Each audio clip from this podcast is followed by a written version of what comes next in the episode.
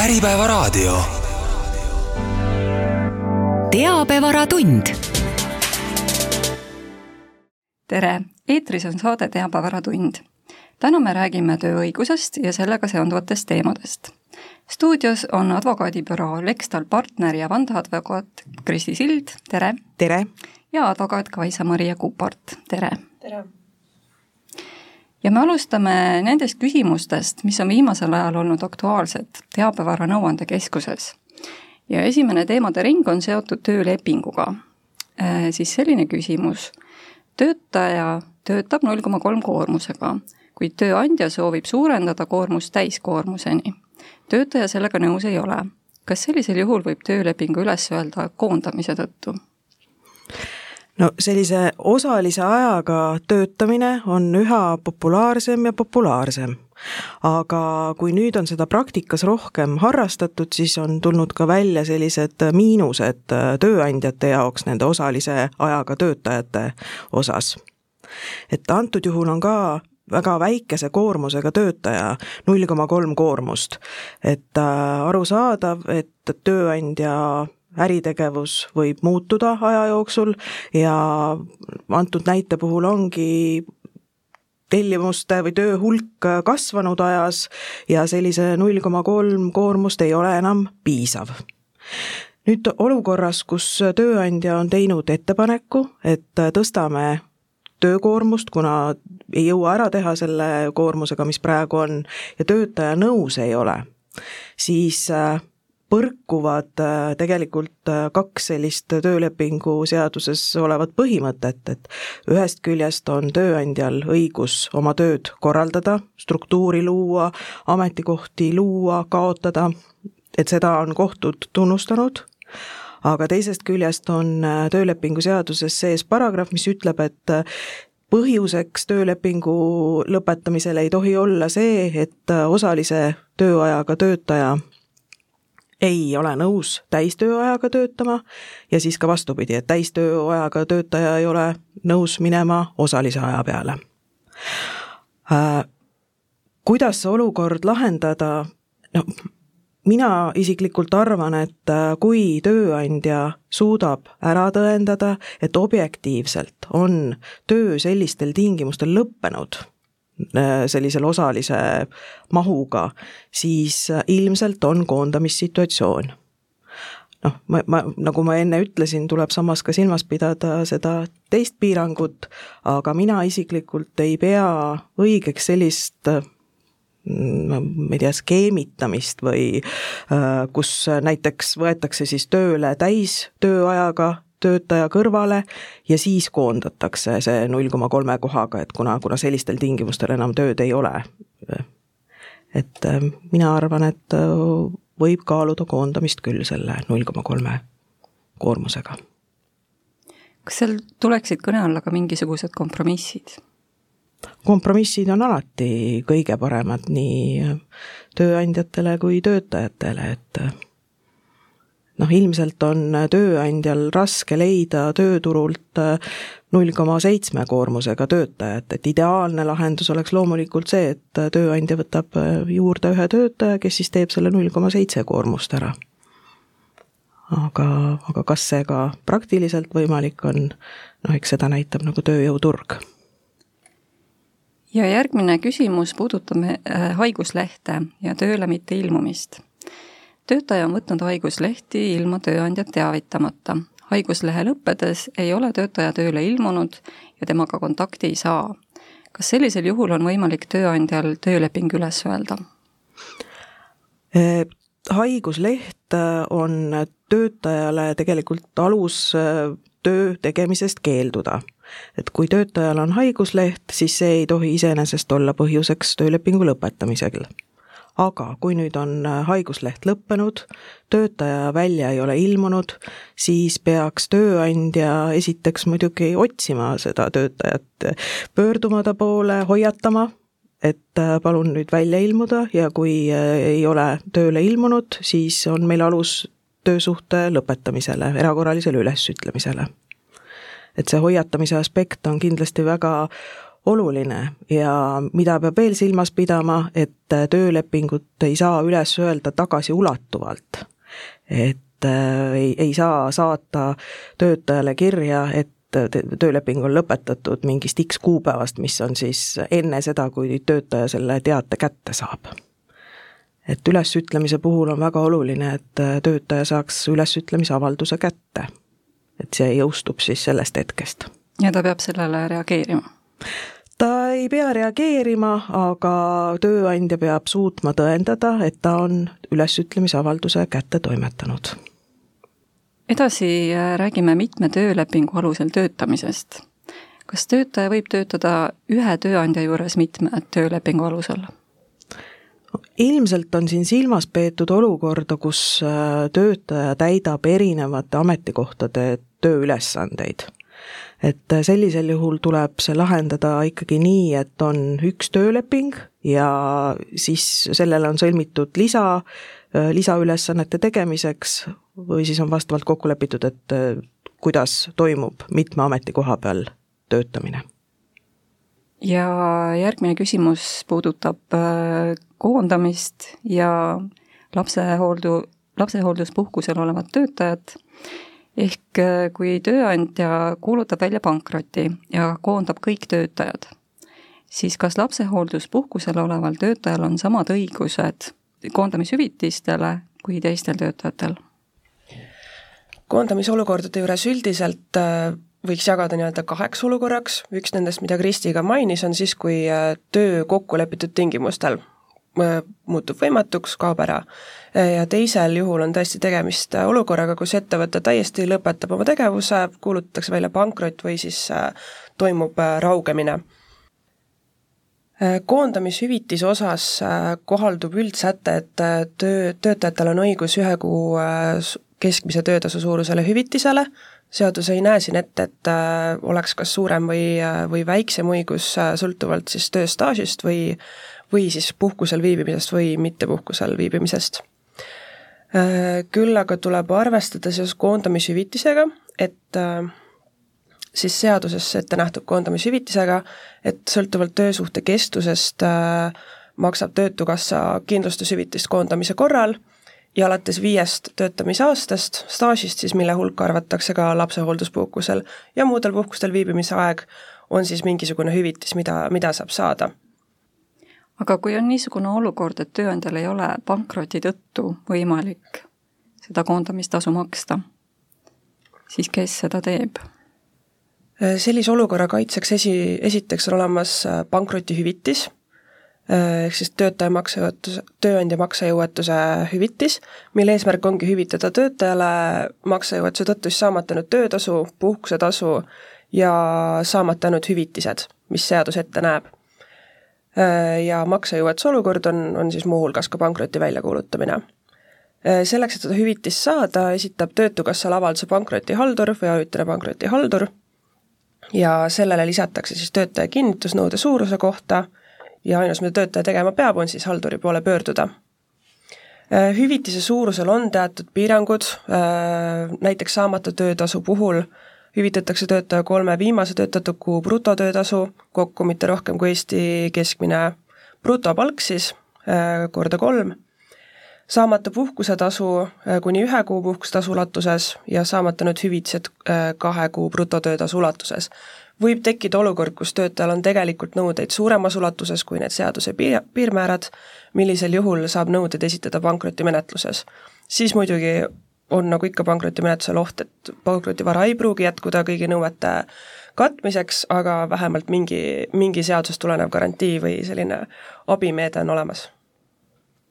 ja läheme edasi töö- ja puhkeaja teemadega kehtestatakse selline kord, et summeeritud tööajaga töötaval töötajal peab lisanduma nädalapuhkeajale ka päevane puhkeaeg. aga kui nüüd üks ettevõte ei tööta viis päeva järjest, siis mida teha, kui täiskoormusega töötav töötaja avaldab soovi saada vabu päevi ja seda nii, et, et sellest, sellist nõuet ei ole võimalik järgida. Tegemist oli Ungaris toimunud töövaidlusega, kus üks rongijuht hakkas vaidlema oma puhkeaja piisavuse üle ja pöörduti siis Euroopa Kohtu poole, et saada tõlgendusele siis äh, seisukoht, et kuna see nõuded tulenevad direktiivist, Euroopa direktiivist. ja tõepoolest, Euroopa Kohus ütles, et äh, tuleb töötajatele vähemalt kord seitsme päeva jooksul tagada järjestikku nii igapäevane kui iganädalane puhkeaeg. ehk siis Eesti kontekstis äh, ja summeeritud tööaja puhul on see üksteist tundi pluss kolmkümmend kuus tundi, mis teeb siis kokku nelikümmend seitse tundi et kui seni loeti need töö- ja puhkeaja nõuded täidetuks, kui töötaja sai kord seitsme päeva jooksul kolmkümmend kuus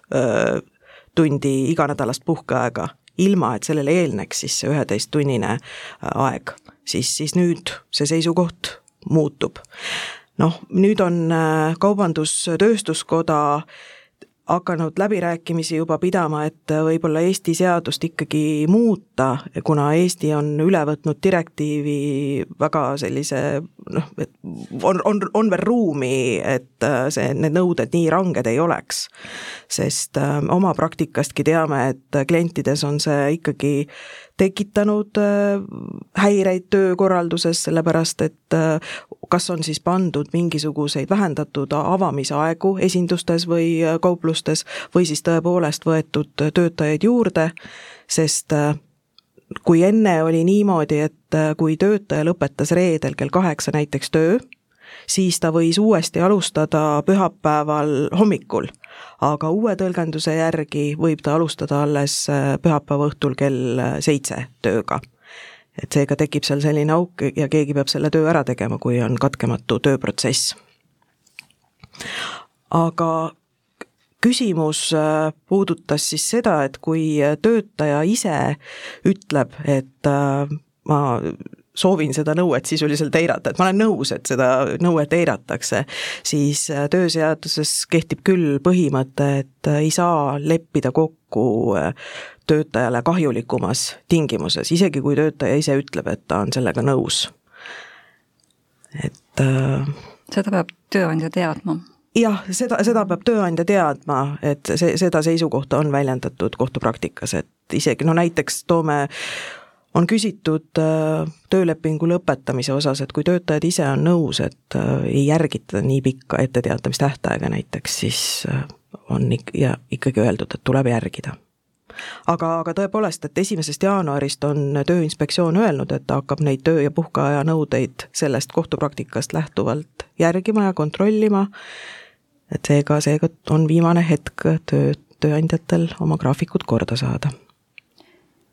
siin oli, see küsimus läks veel edasi, et kui töötaja eh, ühe kuu jooksul soovib näiteks ise oma vahetusi vahetada, eh, tähendab töötajad, siis kuidas sel juhul seda vält-, vältida, seda nõude rikkumist? tööaja korraldust ja tööaja järgimist peab äh, tagama tööandja.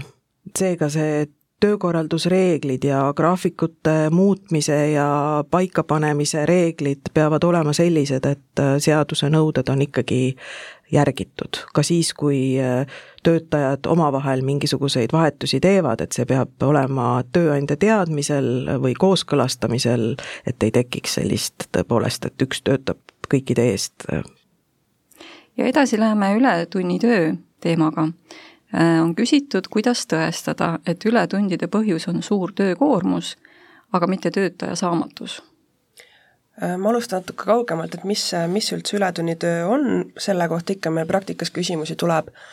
Äh, et ületunnitöö üldiselt on töötamine üle igasuguse kogulepit-, kokku lepitud tööaja, seda sõltumata sellest, kas töötaja töötab täistööajaga või siis osalise ajaga. Näiteks kui on kokku lepitud, et tööaeg on neli tundi päevas, ühel päeval tuleb viis, siis see viies tund juba on ka ületund. ja kui kohaldub summeeritud tööaeg, siis see ületundide arv selgub arvestusperioodi lõpus. Äh, esimene variant äh, või noh, ainukene variant, kuidas seadus lubab ületunnitööd teha, on es-, esiteks poolte kokkuleppel, äh, see tähendab, et mõlemad pooled annavad nõusoleku, millisel juhul ma eeldan, et ei teki sellist tõendamisolukorda üldse, et, et kas, kas oli põhjendatud või mitte. Ületunnitöö iseenesest ei saa olla ette planeeritud,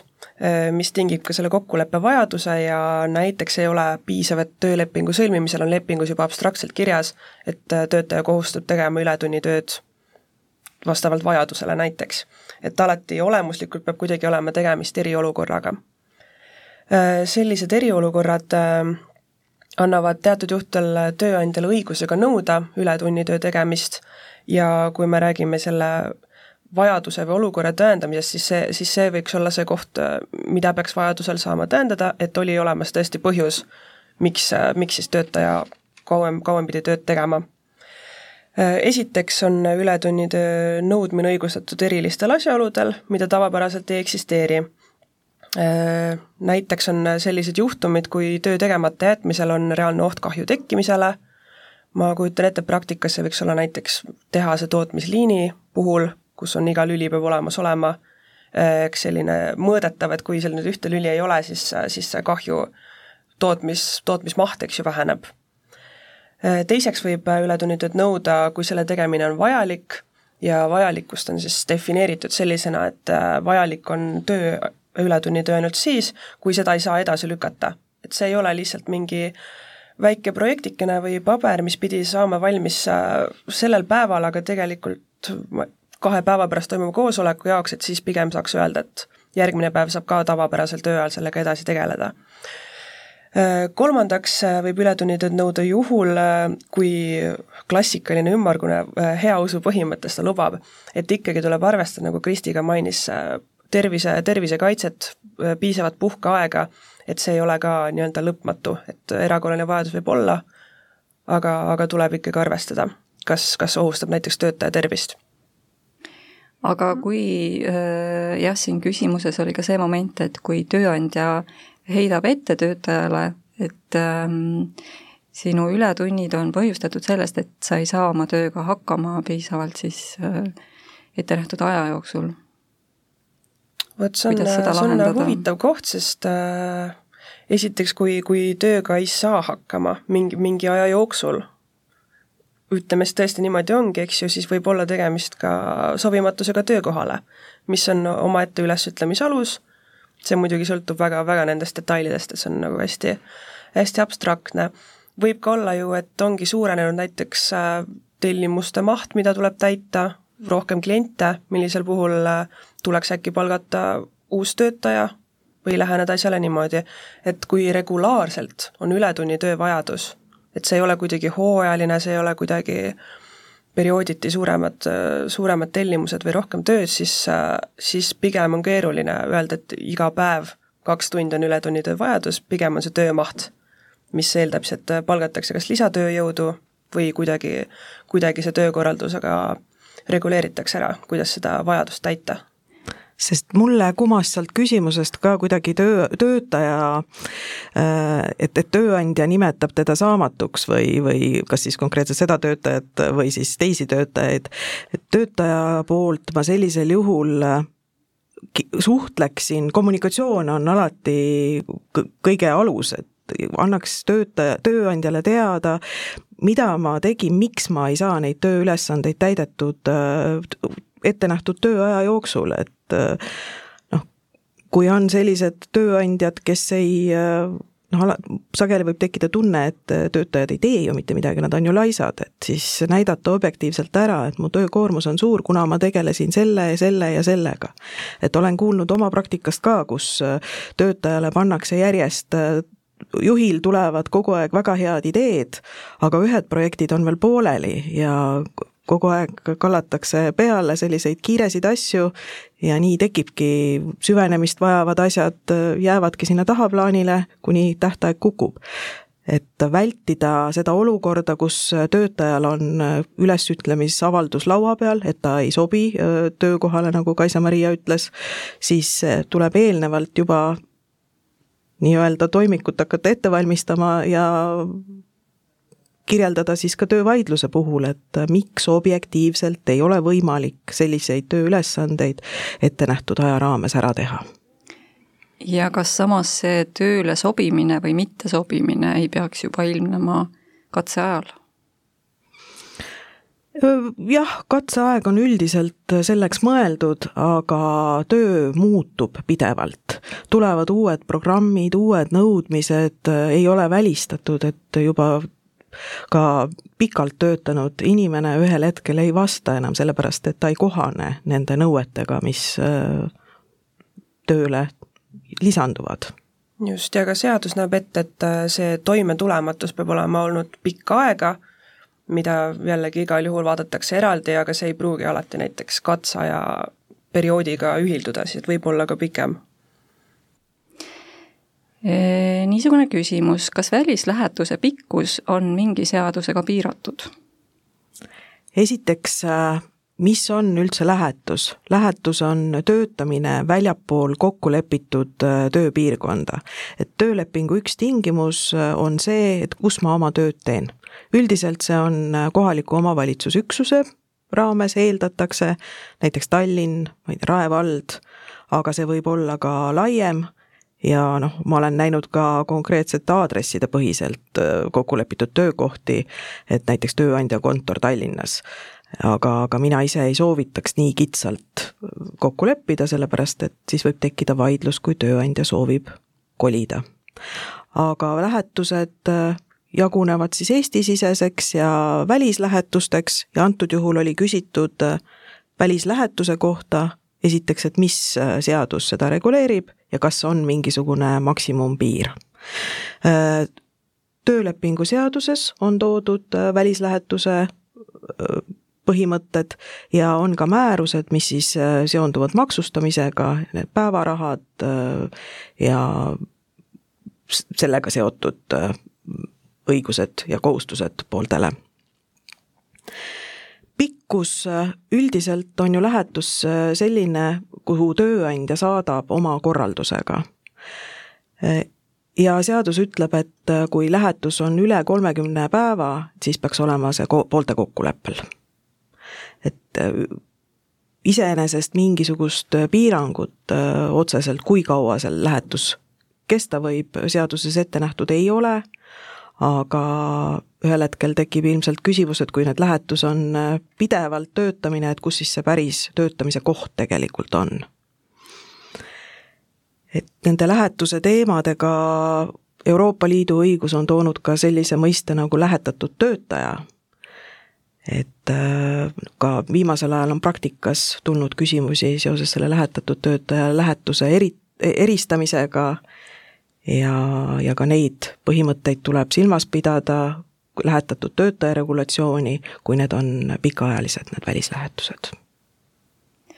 siit äh, järgmine küsimus kaugtöö kohta välismaal. et kuidas äh, korraldada töö, töötaja kaugtööd ja mida peab tööandja selle juures silmas pidama?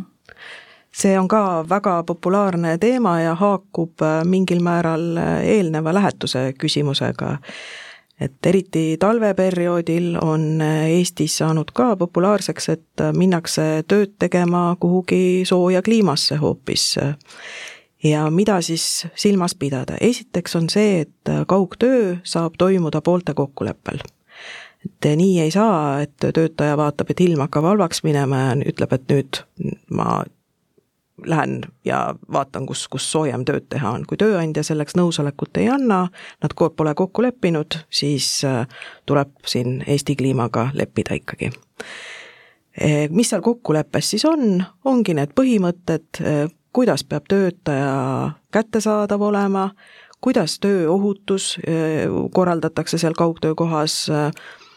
millal tuleb kontorisse ilmuda näiteks, millised kulud kannab äh, tööandja seoses äh, selle kaugtööga,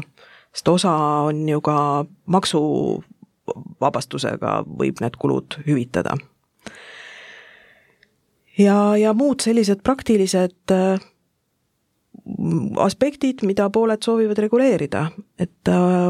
olen näinud ka kokkuleppeid, kus on selgelt äh, välistatud mingisugused piirkonnad, kus ei tohi, noh näiteks Venemaa, Valgevene, kus, kus tööandja ei aktsepteeri, et äh, sealt äh, kaugtööd tehakse. ja ka jälgib siis seda, et et neid põhimõtteid ei rikutaks, et seal on turvalisuse kaalutlused mõnel tööandjal. ja kaugtööga muidugi tuleb silmas pidada maksuaspekte et kuna pikaajalise kaugtöö puhul võib ikkagi juhtuda see, et töötaja maksuresidentsus muutub, siis või siis on ka oht, et tööandjal tekib püsiv tegevuskoht välisriigis,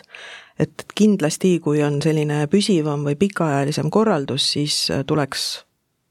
maksude osas nõu pidada ja ka siis juristiga üleüldse selle korralduse osas, töökorralduse osas. et on siin olnud küll juhtumeid, kus töötaja on töötanud näiteks Soomes ja ei ole makse maksnud Soomes, vaid on jäänud Eesti maksumaksjaks, aga ühel hetkel on mingisuguseid sotsiaalseid hüvesid vaja läinud ja siis äh, on välja tulnud, et ta tegelikult juba pikemat aega töötab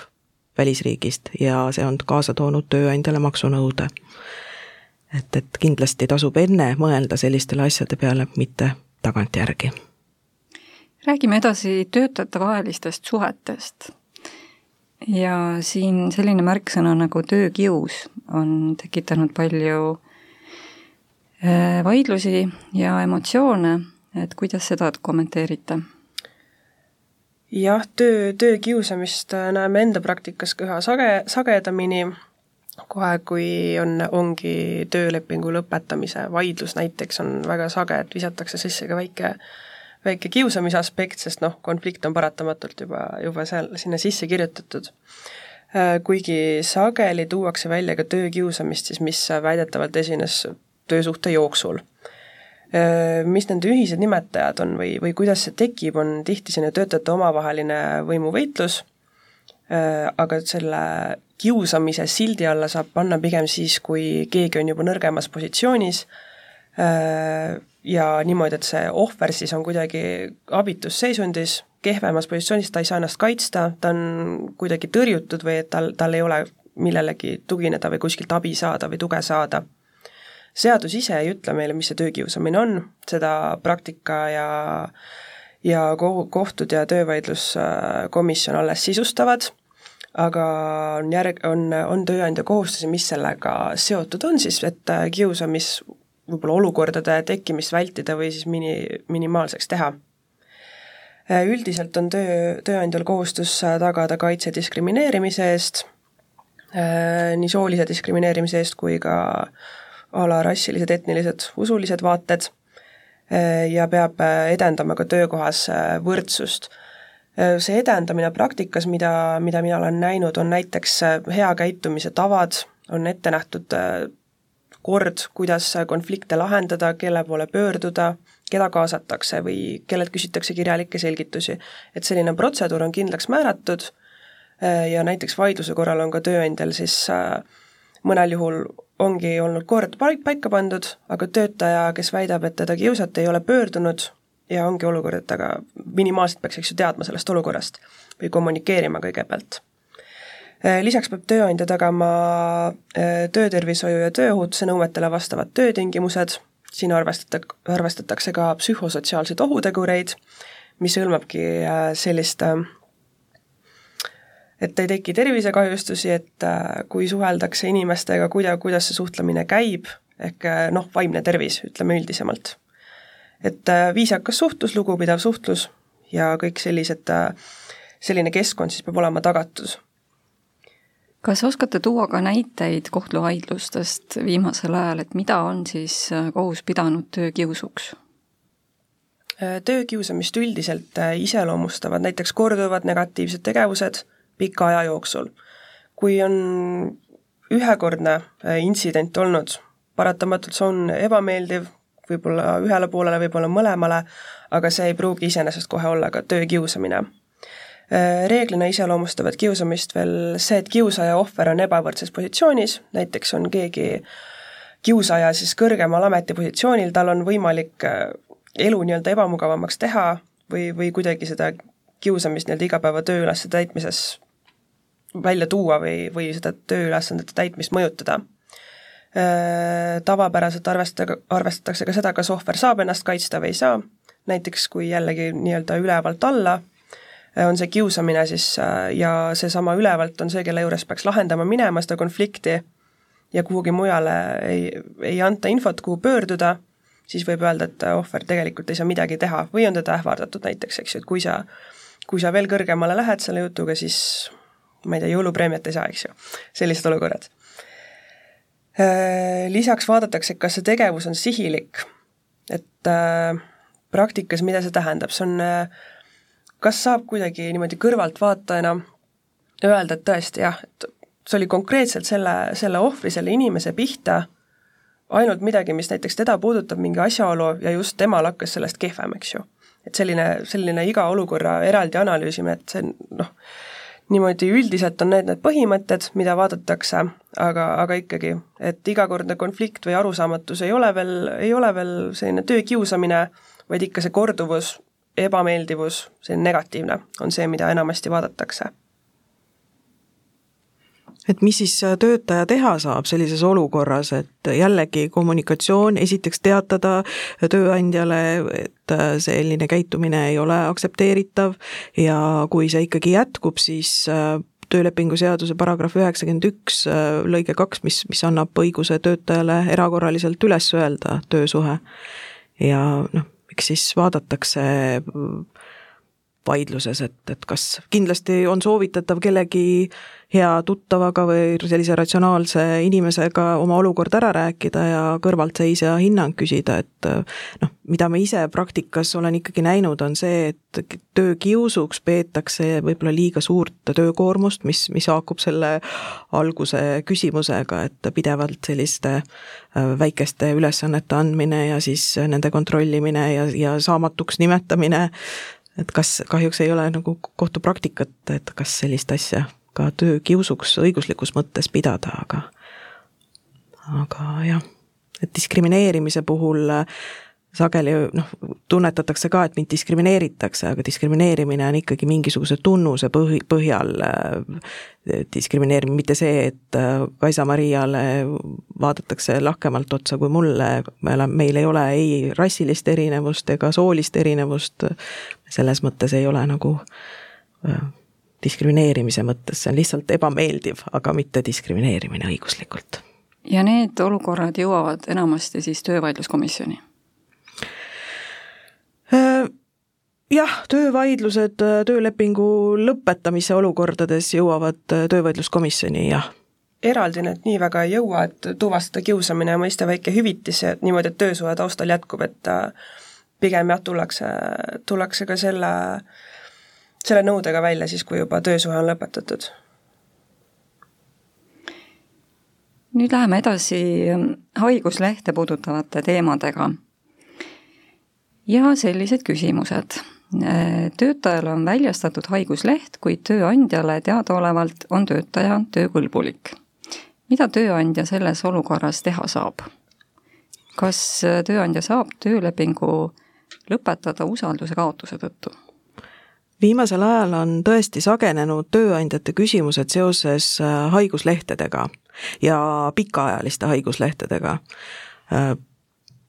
on, on tõesti praktikas olnud olukordi, kus töötaja on rõõmsalt postitanud, ta on haiguslehel, äh, ta on rõõmsalt postitanud oma Facebooki, kuidas ta käib ringi, reisib, äh, samal ajal on haigusleht pikaajaline väljastatud ja töö, tööandjal on tekkinud küsimus, et noh, ma ei usalda seda, et kui, kui ta, kui see töötaja niimoodi käitub, siis ma ei usalda teda enam aga nagu ma enne saate alguses ütlesin, siis haigusleht iseenesest ei ole on, on, on alus töötajale, et töö tegemisest keelduda ja seaduslik alus seega, kui tööandjal on tekkinud kahtlus, et kas see haigusleht üldse on õigesti väljastatud, siis on tal võimalik pöörduda Tervisekassa poole järelevalvemenetluse alustamiseks ja Tervisekassa siis võtab ühendust juba selle lehe väljastanud perearstiga ja viib oma analüüsi läbi ja üldiselt teavitab ka tööandjat, et äh, mis, mis see tulemus oli, mitte, mitte küll detaile, aga äh, noh, nendel juhtudel, kus mina olen tööandja nimel teinud äh, selle päringu, on ikkagi leitud, et on õigesti väljastatud see haigusleht. kuigi noh, mõnikord on olnud olukord, kus näiteks on kahekuune haigusleht, siis puhkuse ajaks täpselt lõpetatakse haigusleht ära töötaja puhkab ära ja pärast puhkust hakkab siis haigus uuesti peale, et et sellised eluliselt natukene veidrad olukorrad aga kas siin ei teki sellist momenti mm, nüüd tööandja puhul, et kas töötaja sotsiaalmeediakonto jälgimine on õigustatud? Kui, nad on ära sidunud äh, omavahel, tegemist on avalike postitustega, see viskab automaatselt äh, voo äh, ette tööandja kas marketingijuhile või siis otsesele juhile, siis, siis noh, paratamatult, kui töö, töötaja oma tegevust suurele ringile avaliku konto kaudu eksponeerib, siis, siis seda näeb ka tööandja esindajad. Järgmine küsimus, millised õigused on töötajatel, kes peavad haigestunud kolleegi eest töö ära tegema? paratamatu on see, et kui kolleegid haigestuvad, noh eriti kui siin on sellised suuremad viiruspuhangud, siis äh, see võib nagu vikati ka kontorist üle käia, siis, siis need tugeva tervisega kolleegid äh, peavad tegema ära, kuna töö ei, ei lõpe. Äh, kui nüüd on tegemist samaliigilise tööga ja ma lihtsalt pean natukene rohkem tegema oma tavapärase tööaja sees, siis üldiselt mingeid lisakokkuleppeid või äh, lisatasu selle eest maksma ei pea aga kui äh, ma pean asendama näiteks äh, mingit teise ametikoha töötajat, tegema ülesandeid, mis ei ole minu ülesanded, lisaülesanded siis võrreldes minu enda tööga, siis äh, tuleks kindlasti sõlmida mingisugune kokkulepe asendamise kohta ja maksta selle eest ka lisatasu. ja muidugi, kui tulevad ületunnid, siis juba rakendub ületunni regulatsioon ja hüvitamise põhimõtted ja ka lihtsalt selline küsimus, kas haigusleht takistab töölepingu ülesütlemist? see on äh, juba pikemat aega nii, et ei takista, aga, aga endiselt tööandjad äh, küsivad või siis lükkavad seda tehtud otsust töösuhe lõpetada edasi, kuna töötajal on pikaaegne haigusleht näiteks, et äh, noh, selline käitumis muster, kus tekib konflikt ja järgmisest päevast jääb töötaja haiguslehele on ikkagi eluliselt küllaltki sage. ja tegelikult ei takista see haigusleht, haigusleht ei tohi olla põhjuseks, aga kui töösuhe on mingil teisel põhjusel, on alust lõpetada, siis äh, lihtsalt tuleb vaadata, kuidas see teade kätte toimetada saab ja oleks selge, et millal töötaja, kas ja millal töötaja selle kätte on saanud aga kui nüüd ikkagi toimub töölepingu ülesütlemine äh, haiguslehe puhul, siis milline peab olema etteteatamistähtaeg?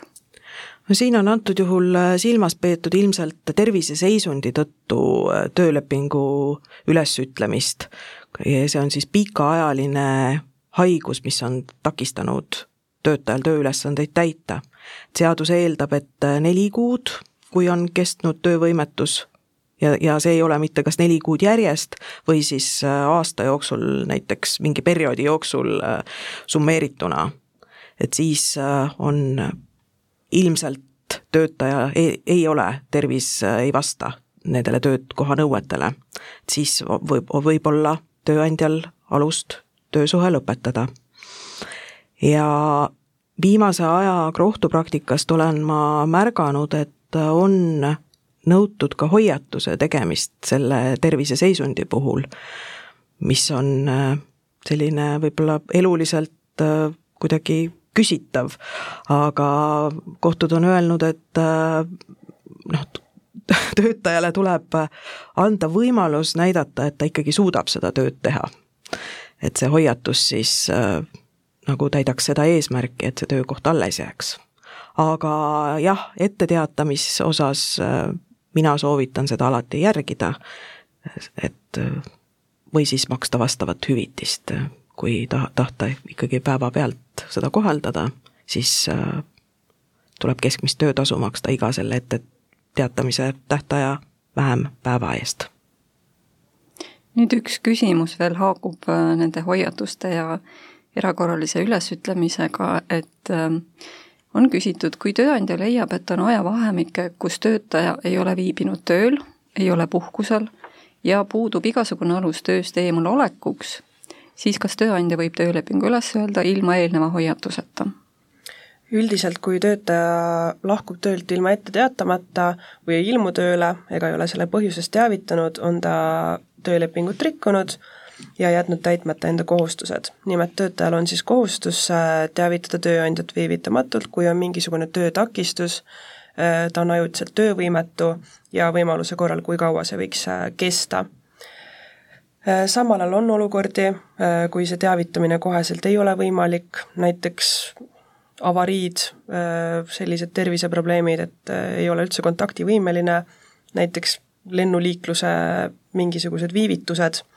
ehk siis ikka, nagu Kristi ka täitsa alguses mainis, alati kommunikatsioon, kõigepealt välja selgitada, miks, miks töötaja kohale ei ilmunud. esmakordsel rikkumisel on hoiatuse tegemine üldiselt kindlasti asjakohane, jällegi töötajal peab olema võimalus enda käitumist parandada ja saada aru, et kui seda ei juhtu, siis tuleb töösuhe lõpetada küsimuses toodud juhul, ehk mulle näib, et kui töötaja, tööandja on nii-öelda hiljem näinud, et on olnud perioode, kus äh, töötajat ei olnud, siis on keeruline